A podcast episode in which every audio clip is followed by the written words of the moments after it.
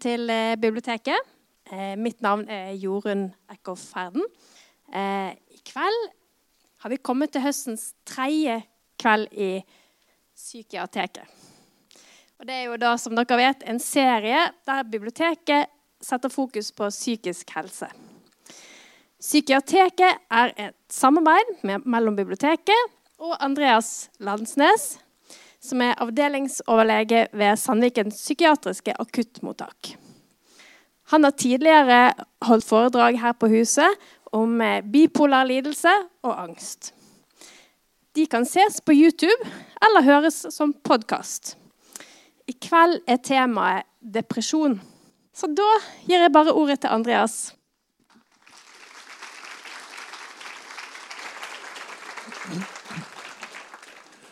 Takk for det.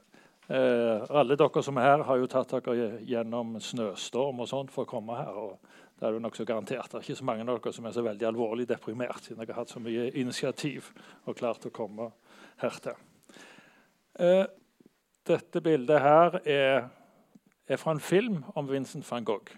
Men det er inspirert av et bilde han har lagd, som heter 'På terskelen til evigheten'. Så dette er en ganske deprimert kar. Og han danner litt bakbilde for denne her presentasjonen. Depresjon er litt vanskelig å snakke om, fordi det er ingen sånn helt klar grense mellom hva tid man er deprimert, og hva tid man har en normal reaksjon. Men vi har prøvd å definere hva depresjon er, litt mer presist. Men dette er de ordene, ordene man ofte bruker når man snakker om depresjon. At man er tungsindig, at man spiser lite, sover dårlig, Alt er tungt, man er lei seg. Og mange snakker om at man sykeliggjør normale reaksjoner. Kanskje er sorg og ikke depresjon. Man har ofte selvmordstanker og tanker om at man ikke strekker til osv. Så, videre. så det er mange forskjellige ord som man bruker når man snakker om depresjon. Og jeg tror nok Det er en forskjell på hva man vil kalle for en klinisk depresjon, og det som er det mer folkelige når man er deppa og nedfor. Dette her er mer det typiske Når man snakker om en klinisk depresjon, så er, er det tre hovedsymptomer. Det ene er at man føler seg veldig nedfor, deprimert. Man har ingen gleder. Man føler at alt er, ja, det man vanligvis syns er kjekt, er ikke kjekt lenger. Og at man syns at alt er tungt å gjøre. Det er liksom de tre hovedsymptomene man har på depresjon. Og For å ha en klinisk depresjon så sier vi at du må ha oppfylt minst to av de hovedsymptomene. Og Så har man tilleggssymptomer, sånn at man sover lite, spiser lite, er engstelig, klarer ikke helt å slappe av, man føler at man er et dårlig menneske, har problemer med å konsentrere seg. Og så kan man også ofte ha selvmordstanker. Og disse andre tingene, sorg, hva er det? Er det, noe, er det depresjon eller er det en normal reaksjon? Det kan variere litt etter omstendighetene. Når vi nærmer oss slutten, skal dere få noen eksempler og prøve dere på oss sjøl og si hva det er for noe. Og så er det kanskje noe i tiden at eh, det er noen som mener at Facebook gjør folk veldig deprimerte, fordi der ser de hvor fint alle andre har det, og så blir man sjøl så lite vellykka i forhold til å lese alle andre har det. Så depresjon deler man inn i mild, moderat og alvorlig depresjon. Du skal ha minst to av de og minst to av disse symptomene for å få en mild depresjon. Moderat depresjon så har du to av disse og flere av disse tilleggssymptomene. Og ved en alvorlig depresjon så har du på en måte minst ja, har du de fleste av disse symptomene. Og Så krever man òg at det skal ha vart i minst 14 dager. Hvis du går, uh, rundt og er deprimert i 10 dager, så får du ikke diagnosen depresjon. i hvert fall ikke sånn klinisk depresjon. Og Det som er selve dynamikken ved depresjon, er at man har tanker hvor man bebreider seg sjøl, man er bekymra og har gjerne selvmordstanker. Følelsen man har, er at man føler seg nedstemt, engstelig, likegyldig og irritabel.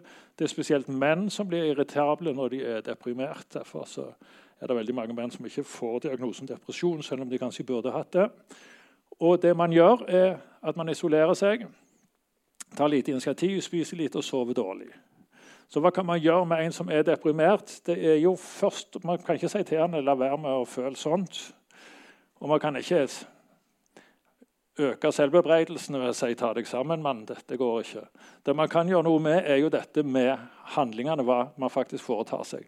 Og Da er dette med å isolere seg det mest fremtredende symptomet, og egentlig det som er verst ved depresjon. Eh, de fleste som er deprimerte, vil prøve å holde seg for seg sjøl. Men det gjør ikke depresjon noe lettere.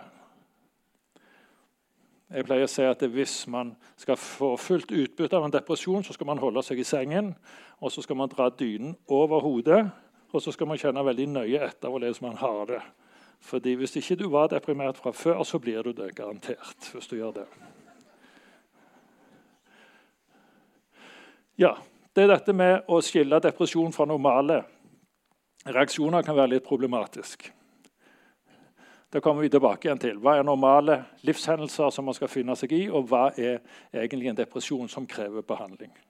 Det er, ikke, det er ikke lett å skille, men dette skal bringe dere litt nærmere i hvert fall, og se forskjellen. Depresjon var som vi har vært inne på, tre hovedsymptomene. At man føler seg nærstemt, lite initiativ, og man er gledesløs. Og så er det disse tilleggssymptomene med nedsatt appetitt, at man sover dårlig, engstelig, likegyldig, har konsentrasjonsvansker, selvbebreidelser og selvmordstanker. Det er hovedsymptomene. Jeg har et forslag til en diagnose som ikke er i noe diagnosesystem, men det er lykkelig. Diagnosen lykkelig. Eh, det er noen som føler seg glad mesteparten av tiden. De har mye energi og tiltakslyst, gleder seg over mange ting i hverdagen. De sover og spiser godt, ser lyst på framtiden, har god tro på egne evner. De er avslappa, ingen bekymringer. Er dette normalt? Det er ikke sånt livet er, men det er mange som kanskje tenker at det er sånt det skal være. Men det er ikke sånt det egentlig er. Så kanskje man skulle ha en diagnose for lykkelig, fordi det er litt greiere at folk kan akseptere at man er litt nedstemt av og til. At man ikke er så helt i hundre hele veien. Her har vi en kar som er deprimert. Det er kong Saul, 1000 år før Kristus. Han var Israels første konge. Og her har vi David, det var han som var så flink med slyngen, som tok Goliat, men han var også flink med harpe. Så her har vi et godt eksempel på behandling av depresjon. David spilte harpe for kong Saul, og da fikk han det litt bedre. Så dette er første eksempel på musikkterapi. Men den gangen var det jo sånn at i Det gamle testamentet så står det Herrens ånd forlot Saul, og en ond ånd fra Herren skremte ham. Når så ånden fra Gud kom over Saul, så tok David fram harpen og spilte på den. Da letnet det for Saul, han kjente seg bedre, og den onde ånden forlot ham. Dette står i Det gamle testamentet. Så her var altså depresjon et uttrykk for enten at eh, Herrens ånd hadde forlatt en, eller at man var besatt av en ond ånd. Og Det har jo holdt seg veldig lenge at man har ment at depresjon eh, skyldtes eh, enten at Herren hadde forlatt en, eller at man var besatt av onde ånder. Jeg flytta fra Bergen til Oslo her for ja, nokså lenge siden. Og da var det sånn at Når folk i Bergen var alvorlig deprimert, så hadde de mista Gud. Og Så kom jeg til Oslo og jobbet på Ullevål. Og når de var alvorlig deprimert, disse østlendingene, så hadde de mista pengene. Så det var sånn Man legger forskjellige ting i dette her å være deprimert. Hippokrates han var det store unntaket i denne tiden. Han var veldig det man i dag vil kalle biologisk orientert. Han mente at vi hadde fire kroppsvæsker. Sort galle. Da var man melankolsk og tungsidig. Og så var det gul galle. Da var man mer sånn kolerisk og oppfarende. Og så hadde man blod. De som hadde for mye blod, de var sangvinske. De var veldig lystige og optimistiske. Og de som hadde litt mye slim i seg, de var sånn flegmatiske, dvs. Si rolig og fatter. Men dette var egentlig bare Hippokrates var den første som var sånn biologisk orientert. kan du si. Men han var det store unntaket. Nesten alle andre mente at det var onde ånder som talte. Her har vi Jesus som jager onde ånder ut av noen som var besatt. Jeg blir av og til, jeg har noen ganger før når jeg har vist dette, blitt kritisert for at Jesus kommer dårlig ut av forelesningen. Men dette, var, dette sånn det er framstilt i, i, Bibelen, og det var jo den måten man behandla depresjon og psykoser på den gangen. Man mente jo at det var, man var besatt av onde ånder, eller at Herren hadde forlatt den.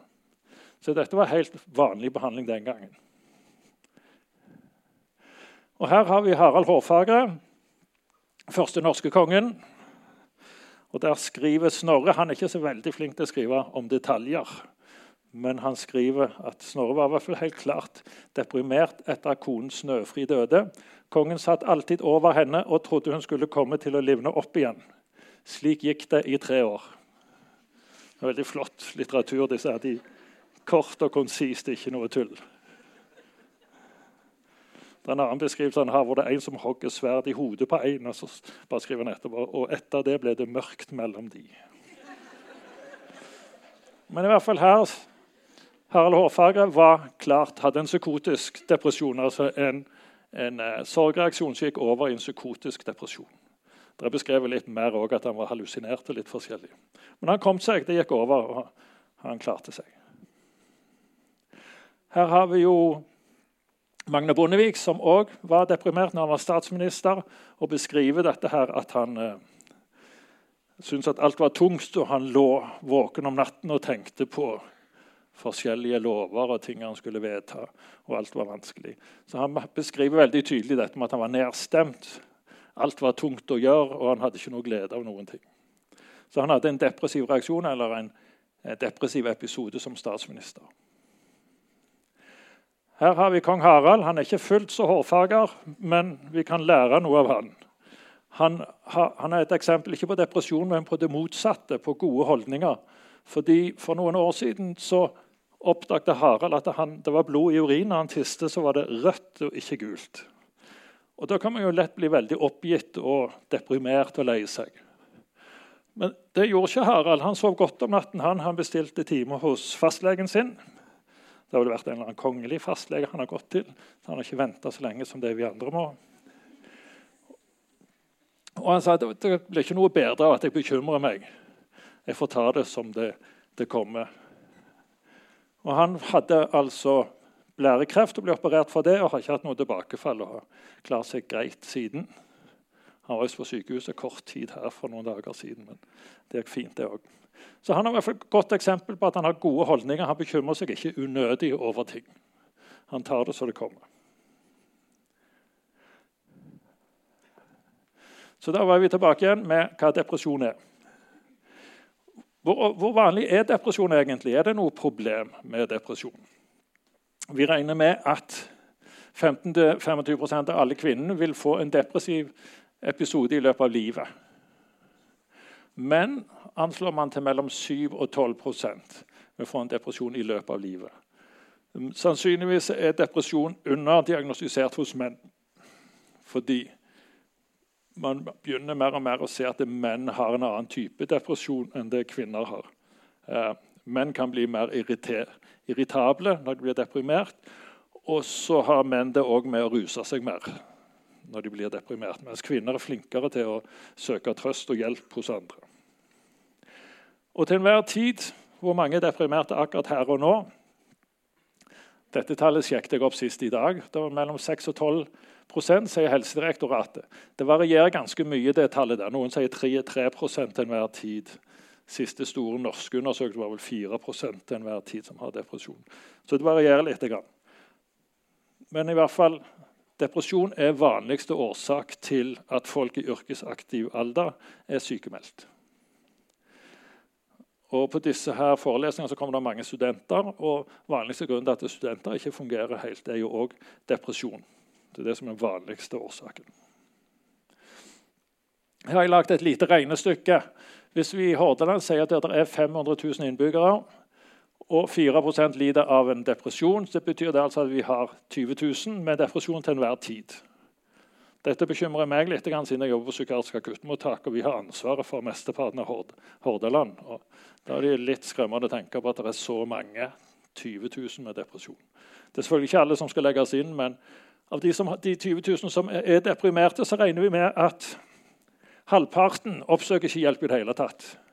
De er deprimerte, og de fortjener ikke å ha det bedre. Så de holder seg hjemme, de blir i sengen og går ikke til lege. De isolerer seg.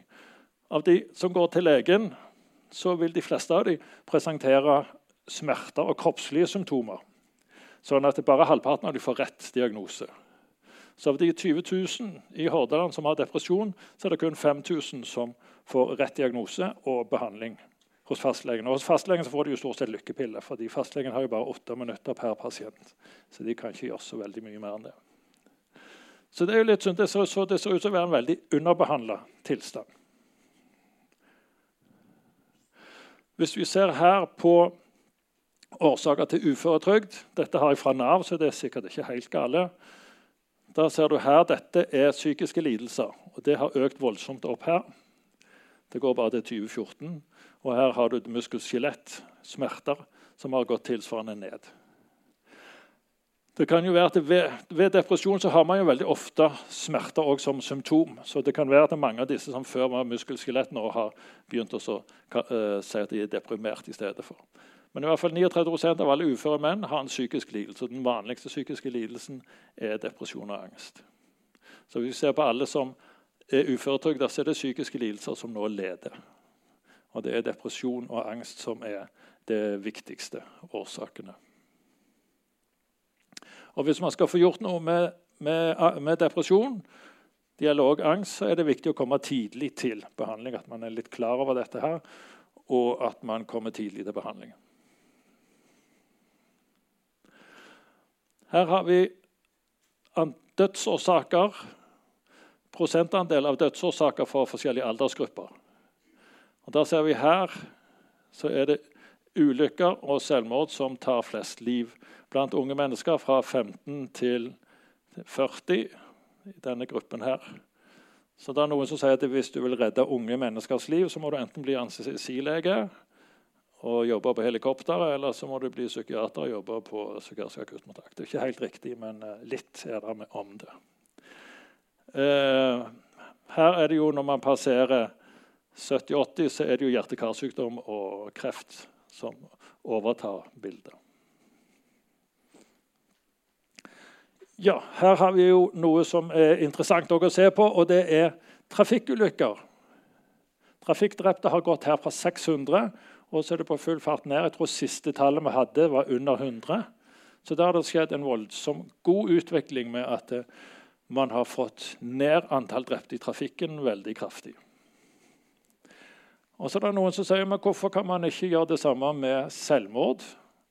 Her har vi nok hatt en underrapportering fram til 1990, og så har det holdt seg nokså konstant siden. Hvorfor kan ikke vi gjøre det samme med selvmord? At vi kan ha en nullvisjon på at ingen skal ta sitt eget liv. Og Det er simpelthen fordi det er veldig kompliserte årsaker til at folk tar sitt eget liv. Det er ikke så enkelt. Når det gjelder trafikk, så er det veldig enkelt. Så skal bare bli kvitt den ene faktoren som gir alle ulykkene. Det er jo bare én faktor som gir ulykkene. Norges Automobilforbund hadde en sånn spørreundersøkelse blant medlemmene sine om de var gode sjåfører, middels eller dårlige. 90% var gode. Så det er altså sjåførene vi skal bli kvitt. Hvis vi bare blir kvitt sjåførene, så blir vi også stort sett kvitt trafikkulykkene her. Grunnen til at det har gått så kraftig ned her i Norge, er vel en kombinasjon av bedre veier, spesielt med sånn midtdeler og sånt, og så økte helsekrav for de som skal ha førerkort. Vi er veldig streng på trafikkfarlige medikamenter og sånn forskjellig. Så jeg mener at man ikke kan sammenligne disse to tingene. Det er ikke så pedagogisk å vise to ting man ikke skal sammenligne i samme kurven, men uh, poenget mitt er altså de, det er to veldig forskjellige ting. Mens du her har veldig få årsaker som du kan gjøre noe med, så er dette veldig komplisert. Hva som gjør det. Før så regnet vi med at alle som tok sitt eget liv, var deprimerte. Nå er det nedjustert sier mellom 40 og 70% Altså Omtrent halvparten av de som tar sitt eget liv, er deprimerte. Men de fleste har en eller annen psykisk lidelse, men ikke nødvendigvis depresjon. Her har vi det siste bildet som van Gogh malte. Det heter 'Kråker over hveteåker'. Og det er Alle som driver på med selvmordsforskning, og sånt, har en eller annen mening om det bildet der. Eh, og Mange mener at ut fra det bildet der så kan vi se at Vincent van Gogh kom til å ta sitt eget liv nokså snart. De snakker om noe sånt linjer her som er litt forvirra uten mening og sånt. Så Noen kan se på det bildet at han kommer til å ta sitt eget liv snart. Jeg kan ikke se det. Jeg syns det er et fint bilde. Jeg kan være, helt ufølsom. Men det er jo mange teorier bak hvorfor Vincent van Gogh tok sitt eget liv. Man vet det simpelthen ikke. Vi vet at han var deprimert i perioder, men var ikke spesielt deprimert akkurat på dette tidspunktet. Han døde av et skudd som gikk inn i magen og ut gjennom brystet. Som de mente var selvpåført, men det er nokså vanskelig å få det til. Det er en nokså uvanlig måte å ta sitt eget liv på. I tillegg så drakk han litt mye absint. Og så hadde han bodd sammen med en prostituert. Den gang var syfilis nokså vanlig. Broren hans døde av syfilis kort tid etter. Så det er mange årsaker til at dette kunne skjedd. Og selv for en så berømt mann som han, og man, mange har forsøkt å finne ut hvorfor han døde, så har man egentlig ikke kommet til noen god forklaring. Så dette bare for å illustrere hvor komplisert det kan være, hvor uklart det kan være hvorfor folk velger å ta sitt eget liv, eller hvorfor man dør. Hvorledes ligger Norge an når det gjelder selvmordsstatistikken? Dette er antall selvmord per 100 000 per år. Og der ser vi I Nepal der er det ingen som tar livet sitt. Det er veldig fint. Jeg har en gang kjent en kar fra Nepal. Når han skulle reise hjem, så måtte han først ta fly til Katmandu. og Så måtte han ta bussen i tre dager, så måtte han gå i fire dager. Så var han hjemme. Og er det å ha statistikk i et sånt land? Så jeg tror de bare har gitt opp det. De har ikke statistikk. Noen land her ligger nokså likt. 11-12. Sverige, Island, Danmark, Irland, Norge og USA før de fikk Trump for dette. Jeg vet ikke hva det har gått nå etterpå. Men her ligger vi sånn rundt ti. Så vi ligger ikke så verst. Grønland ligger veldig høyt oppe. Det har noe med raske endringer i samfunnet og alkohol og at de har mye hagler og sånt der oppe. Japan der er det for så vidt ikke så mye tabu imot å ta sitt eget liv. Der er jo harakiri en tradisjon. Russland og Serbia så er det nok vodkaen som er med. I Spania så er det nok en underrapportering, fordi de er jo ganske katolske i Spania. Så der underrapporterer de nok en del. Hvorledes ser det ut med selvmordsrisiko etter alder for eh, menn og kvinner i Norge? Dette er i gjennomsnitt for perioden 2008 til 2012. Den er ikke blitt oppdatert. Men eh, her har vi kvinner. Begynner veldig lavt, så topper det seg når de er 50, og så går det ned igjen. Men for menn så er det helt annerledes. Det begynner veldig høyt, og så bare blir det mer og mer. Så her har vi bruk for litt likestilling. Her det det er et eller annet som er gale her. Min hovedteori er at de blir skilt her. Og så går det bedre med damene, og så går det verre med mennene. Det er min teori. så Derfor er det viktig å være snill med konen for alle mennene her. Sånn. Det ser ut som det kanskje er den viktigste årsaken. Jeg har sett på en sånn tall som er litt nyere enn dette, her, men det har ikke forandra seg så mye. Så Hvis man skal forebygge selvmord, så ser det ut som det er denne gruppen her vi skal gjøre noe med. Dette, disse mennene som er veld, veldig høy risiko for å ta sitt eget liv, de bor stort sett alene. De har veldig ofte en eller annen eh, somatisk sykdom. De har ofte kols, kronisk obstruktiv lungesykdom etter de har røykt et helt liv, eller andre eh, kroniske sykdommer. Og først og fremst så bor de alene. Ja, Da skal vi en liten tur til Gotland. Det ligger her borte.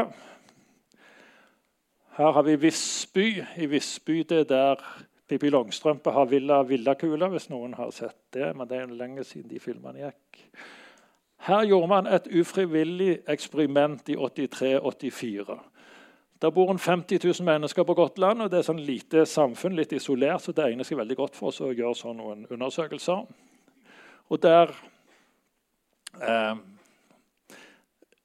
er det ca. 50 fastleger her på Gotland. Og de fikk opplæring i å eh, bli oppmerksom på depresjon og stille diagnosen og begynne behandling for depresjon så tidlig som mulig. Og Det ble de veldig flinke til. Så etter 83-84, når de var ferdig med dette opplæringen, så eh, ble diagnosen depresjon stilt mye oftere. Eh, de foreskrev sånn antidepressiva mye oftere enn de gjorde før. Og man så at eh, sykemeldinger, uføretrygd og selvmord gikk ned, målbart ned i årene etterpå. Så det hadde en veldig god effekt dette å, å ha oppmerksomhet på eh, depresjon og tidlig behandling av depresjon.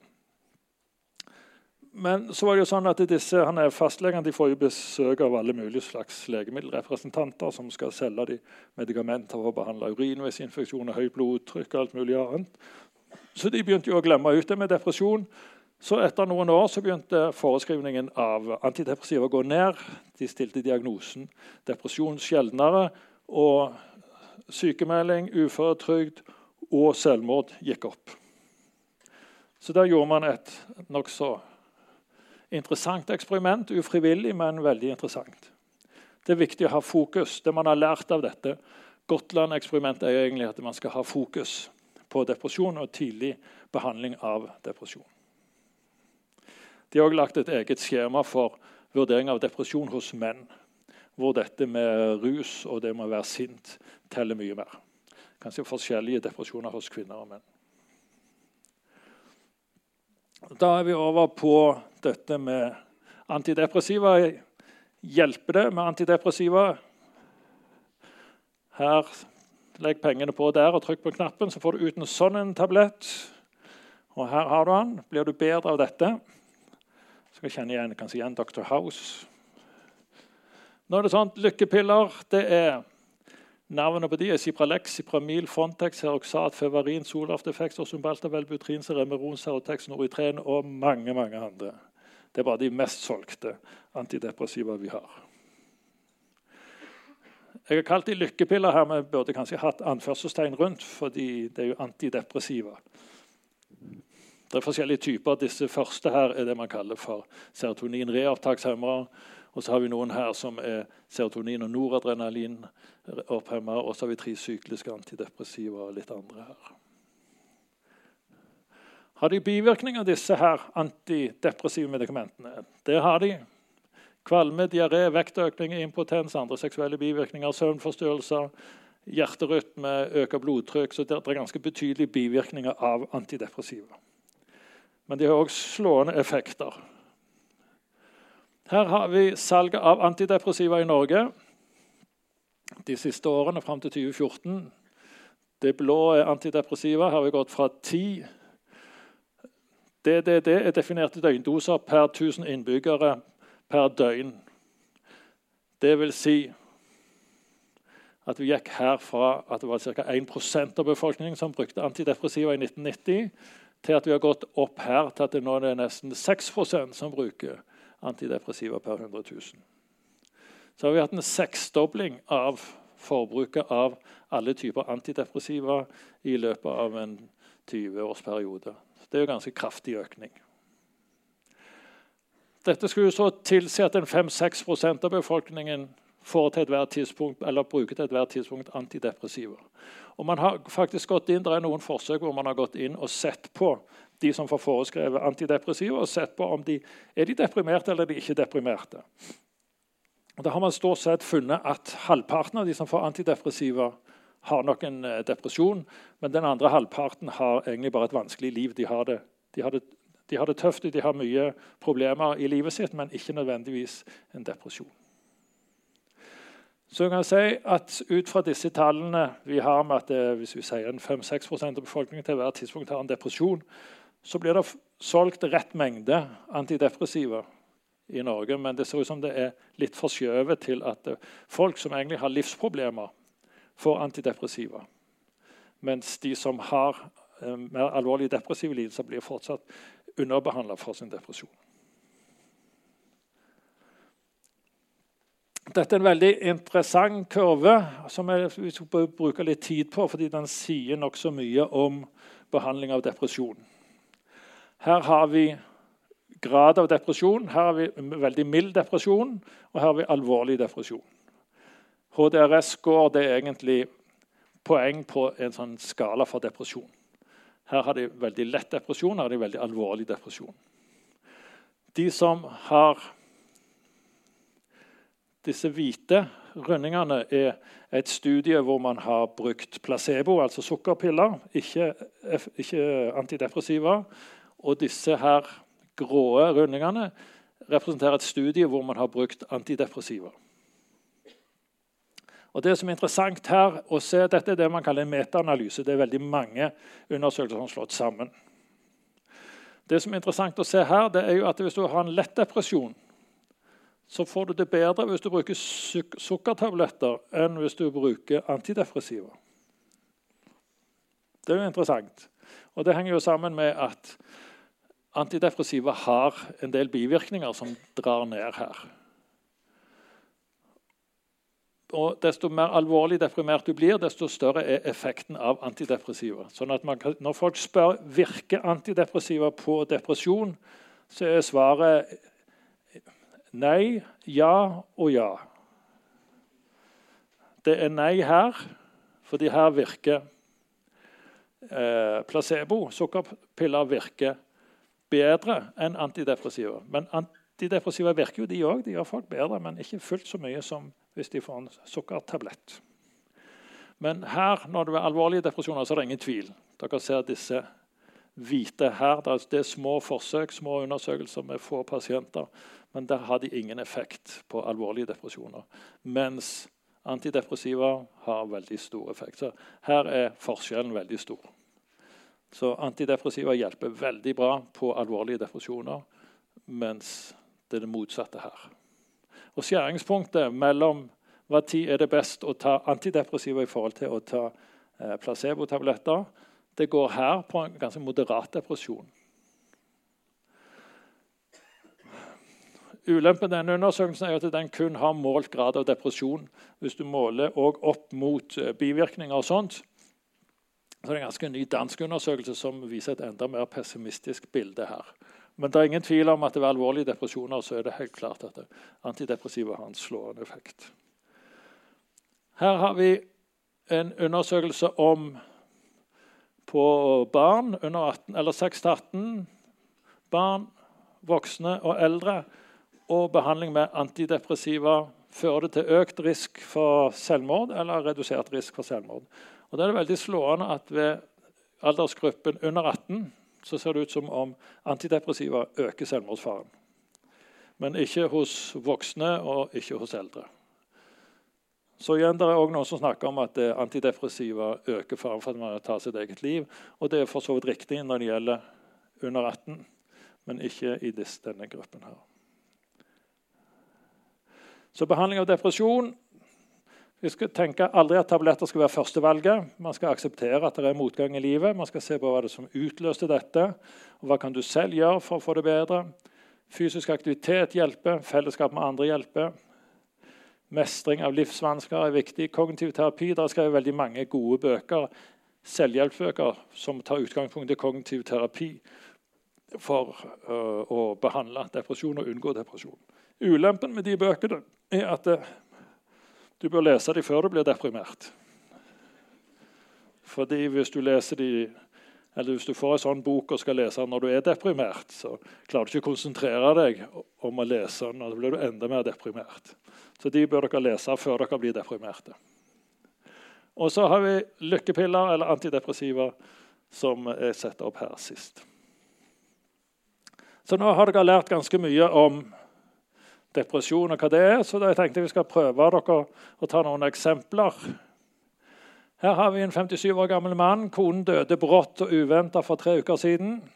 Han har siden følt seg trist og oppgitt, orker ikke gå på jobben, føler seg tom og tiltaksløs, klarer ikke glede seg over noe, spiser ikke, sover dårlig, klarer ikke konsentrere seg om å lese avisen eller se på TV.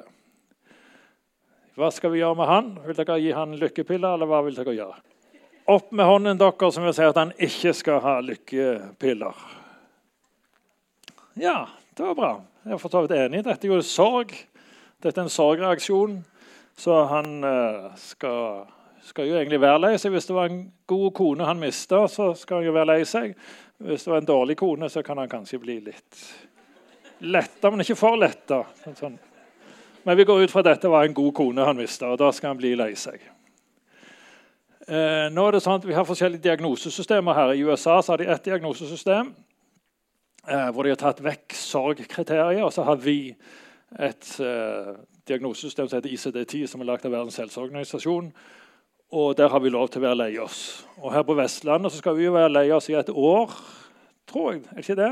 Et, når konen dør, skal man i hvert fall ikke gifte seg om igjen første året. Så du skal være Du skal være lei deg gjerne i et år. Men i USA har du ikke lov til å være lei deg mer enn i 14 dager. Så på, skal du behandles for det. Etter det diagnosesystemet de nå har i USA. Det er blitt veldig kritisert at de har fjerna denne det man kaller for sorgklausulen. Altså man ikke har lov til å være lei seg så veldig lenge. Ja, Her er et eksempel. 20 år gammel kvinne går på Høgskolen i Bergen. Ingen venner eller familie her, trives ikke på skolen og lengter mye hjem.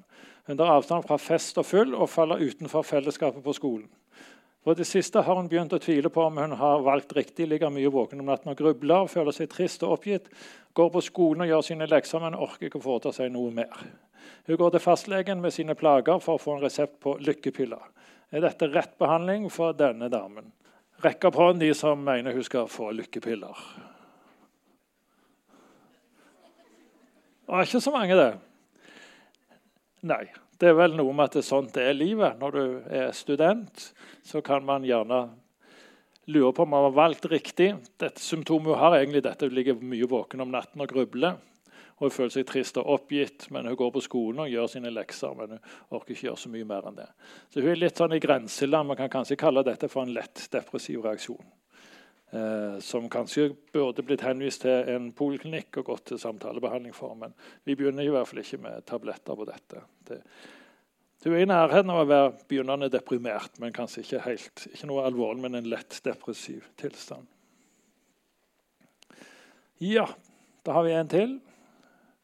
23 år gammel student. For et år siden begynte han å miste gnisten. Mindre samfunnsengasjement, og studiet ble kjedeligere.